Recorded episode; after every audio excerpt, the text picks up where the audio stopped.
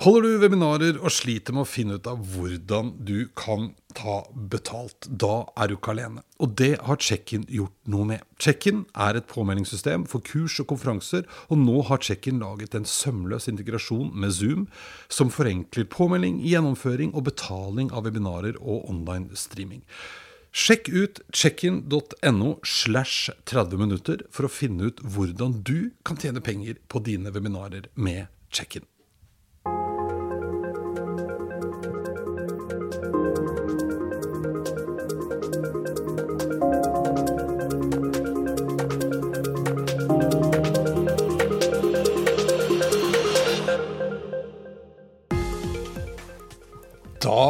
Har det blitt årsslutt igjen, og gjennom 46 episoder i år så har jeg hatt besøk av ledere og konsulenter, studenter, vanlige folk, noen litt uvanlige folk, og litt forskjellig.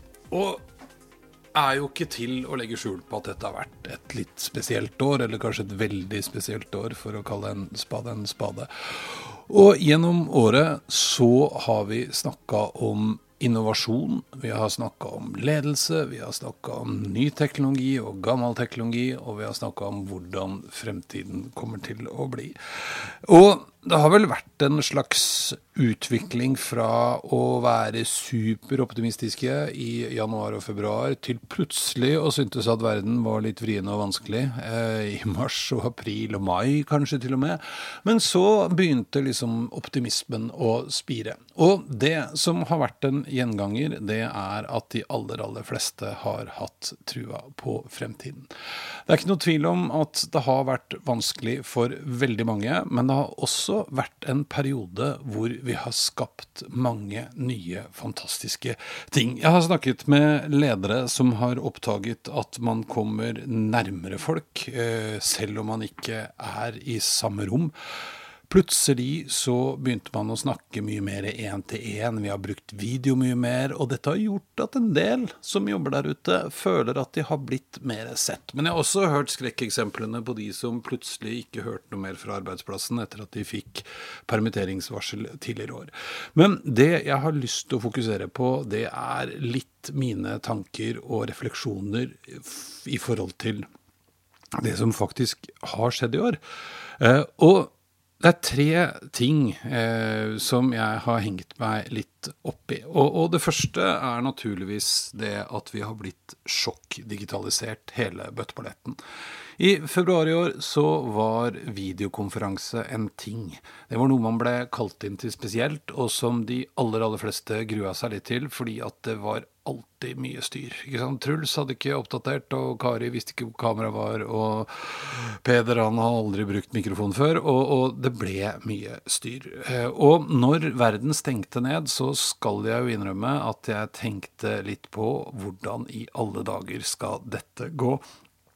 Og eh, ble også litt lattermild, kanskje, når fire stykker fra NASAs Curiosity Team, altså de som fjernstyrer denne Curiosity-roveren som kjører rundt på Mars og har gjort det i mange, mange år, de, de la ut bilde fra sine hjemmekontor. Der satt de altså fire stykker på hvert sitt hjemmekontor og fjernstyrte en bil på en annen planet. Og da, da, tenkte jeg at da må vi for pokker klare å få orden på mikrofonene våre og kameraene våre her nede på jorda. Og det føler jeg at vi i ganske stor grad har fått til. Det gikk ikke så innmari lang tid før de fleste håndterte både én og to og tre og fire eh, forskjellige videoplattformer. Og Zoom ble et nytt ord, og zoome noen har blitt en, en del av vokabularet vårt, kanskje, og vi har fått nye begreper som zoom fatigue og ja, i det hele tatt. Det har kanskje både vært veldig positivt, men også vært litt strevsomt. Men det som òg har vært litt interessant, er at dette har på en måte tvunget oss til å ta i bruk digitale verktøy, som en del kanskje har kvia seg litt for å bruke. Nettopp fordi at det ikke helt var nødvendig, eller vi følte i hvert fall ikke at det var nødvendig nok. Og nå har det vist seg at det går som en kule, og bedrifter har lagt til rette for, og vi som jobber rundt omkring, vi syntes at vi bare måtte, så derfor så får vi det til også. Og det har jo vært litt gøy da, å teste ut både uh, afterwork og fester og sosiale sammenhenger, og til å begynne med så hadde jeg jo videomøter med folk jeg ikke har snakket med på mange år. Så vi fikk liksom trent oss litt. Nå har vi begynt å etablere litt nye regler. Jeg registrerer at flere og flere f.eks. har på kamera. Jeg hadde en gjesteforelesning i begynnelsen av året og hadde da 64 sorte firkanter med to bokstaver i. Og Det er klart at det er litt tungt å forelese for, men etter hvert nå så er det ganske mange som setter på kamera. Jeg snakket med en bedrift uh, hvor man har det nå som policy at uh, alle logger seg på Zoom. Eller Teams, brukte veldig faktisk, spiller jo ingen rolle. Alle logget seg på Teams, alle har på kamera. De som sitter i møterommet, for at noen gjør det også. De har også på Teams, selv om de er fire stykker som sitter der, og det er fire stykker som er med hjemmefra. Fordi det gjør at alle er like, og alle ser hverandre. Så det begynner å komme litt nye, morsomme måter å gjøre ting på. Den andre tingen, så, altså Det første var at vi har blitt sjokkdigitalisert hele gjengen. Den andre spennende og litt interessante tingen er at hjemmekontor, eh, eller remote work, har liksom gått fra å være noe greier man dreiv med før, veldig ofte fordi man ikke hadde mulighet til å komme på kontoret eller jobben av en eller annen grunn. Kom en rørlegger, var noe snekkerarbeid, en eller annen som var sjuk, altså sånne type ting. Nå er det ikke sånn lenger. Nå har det blitt sånn at både arbeidsgivere og arbeidstakere har sett at dette fungerer ganske bra. Og det er noe med at man på en måte skaper en, en, mye større fleksibilitet også for veldig mange. Og som gjør at veldig mange registrerer at de er kanskje til og med litt mer produktive enn det de var før. Det er lett lettere å inkludere og involvere folk. Vi bør ikke avlyse og flytte på møter bare fordi jeg ikke kom meg dit eller ble forsinka av en eller annen grunn. Jeg kan bare joine via video. Og eh, det har også blitt litt sånn at vi slapper litt mer av. Jeg har snakket med ganske mange, og nå begynner vel litt forskning og den slags å avdekke det samme. at i mange tilfeller så bidrar dette til at vi stresser litt mindre. En stor, stor del av den normale arbeidsdagen back in the days, altså da før mars i år, handlet om å sitte i kø, løpe fra møte til møte, alltid være litt for seint ute. Eh, ganske stressende. Nå trenger vi ikke alltid å stresse så innmari mye. En annen litt interessant observasjon, eh, og dette er mer min antagelse enn noe som nødvendigvis er bevist ved forskning riktig ennå, men det, virker som om folk nå bruker litt andre Vi bruker litt andre kriterier for å prioritere hvilke fysiske møter vi skal ha. Før var dette veldig ofte styrt av liksom businessen. Viktig kunde, viktig møte ble det da. Ikke nødvendigvis fordi møtet i seg selv var så viktig, men det var en viktig kunde, og da måtte vi prioritere det. Gjerne reise til Bergen for å ta det møtet, fra Oslo, da. Eller omvendt. Mens nå så virker det som om man oftere prioriterer fysiske møter med folk man kanskje har lyst til å treffe. Det er lenge siden jeg har sett deg. Altså, det er mer sosial interaksjon som veier uh, tyngst, mens vi heller da tar statusmøter og forhandlingsmøter og sånne typer møter eh, like gjerne på video. Og, og det er ikke så nøye lenger.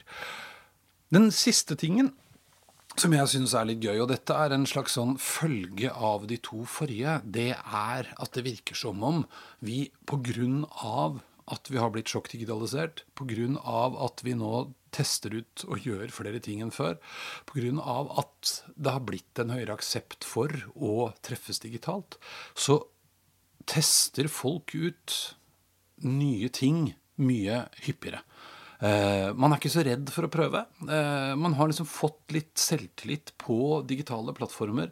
Uh, og her har det jo poppa opp sant, alt fra digitale whiteboards til delingstjenester til da videokonferansevarianter til eh, ja, hva nå enn måtte være samhandlingsverktøy, som man plutselig har begynt å ta i bruk. Jeg var jo så heldig og en periode i år å få lov til å bistå nettopp et selskap som heter Hoilu, eh, som driver med nettopp digitale eh, whiteboards. Og, det vi så der, var at det gikk fra forespørslene, eller hjelpen folk trengte, var først bare å ha noe for å kunne samhandle, men etter hvert så ble oppgavene mer konkrete. Man ønsket å få hjelp til å kunne fasilitere en workshop, eller kjøre en idédugnad, eller skulle ha et presentasjonsmøte hvor en kunde skulle være involvert og komme med tilbakemeldinger. Altså, man blir mye mer komfortabel med det. Samtidig som vi begynner å bli flinkere til og, og, villige til å teste ut nye ting i mye større grad enn før, eh, så virker det også som om folks aksept for at ting ikke nødvendigvis er 100% perfekt første gang, eh, er en greie. Eh, og det forsterker jo på en måte litt viljen til å prøve, fordi jeg er ikke så redd for det, fordi at jeg får heller heiarop og støtte og support av den jeg skal presentere for eller ha kontakt med, istedenfor å få kjeft for at lyden hakker eller bildet er dårlig. eller eller hva det måtte være. Så det jeg er spent på, er om dette fortsetter å på mange måter uh, tvinge frem, eller hva heter det for noe, ikke tvinge frem, men uh, motivere oss til å være mer kreative. Til å være mer innovative, til å prøve ut nye ting for å skape bedre og enklere løsninger for oss alle. Og så er det jo ikke noe tvil om da, at vi har naturligvis lyst til å møtes igjen. Og det skal vi gjøre, og det gleder vi oss kjempemye til. Men jeg er helt sikker på at vi kommer ikke til å gå tilbake igjen til der vi var. Vi kommer til å oppleve mye større grad av eh, hybridvarianter, både digitalt og fysisk i Skjønn forening. Jeg holder jo mye foredrag og har hatt gleden av å ha en fantastisk høst med masse oppdrag. Digitale oppdrag, hybridoppdrag. Jeg har vært programleder, jeg har vært konferansier. Og jeg har jo da bygd opp et lite studio her på mitt kontor som gjør at jeg kan liksom levere en bedre digital opplevelse enn bare å være liksom del skjerm og i Teams. Og jeg tror at veldig mange kommer til å ville bruke muligheten til å kunne delta på ting. Eh, også når man da i utgangspunktet kanskje ikke hadde budsjett til å reise til en annen by, eller hadde mulighet, tid til eh, å sette av en hel dag eh, liksom fysisk oppmøte et sted. Kanskje man bruker halve dagen på konferansen, spiser lunsj der, og så tar man resten eh, i en eller annen digital variant etterpå. Jeg tror vi kommer til å se også at en del greier som vi før gjorde fysisk, blir flytta over i det digitale. Det å reise på statusmøter til Tromsø bare for å møtes i en time, det tror jeg vi er ferdig med. Og det håper jeg vi er ferdig med. Så skal vi ikke legge skjul på at det er også mange både bedrifter og personer som syntes at dette året har vært grusomt tøft. Og det har vært tøft for mange. Eh, og Derfor så har jeg lyst til å avslutte denne litt forkorta og siste sendingen i år med en oppfordring om at vi ikke skal glemme det. Det er jo utrolig fint at det har gått bra med mange, men vi må også huske på de som har hatt det litt tøft, og som syns dette er vanskelig.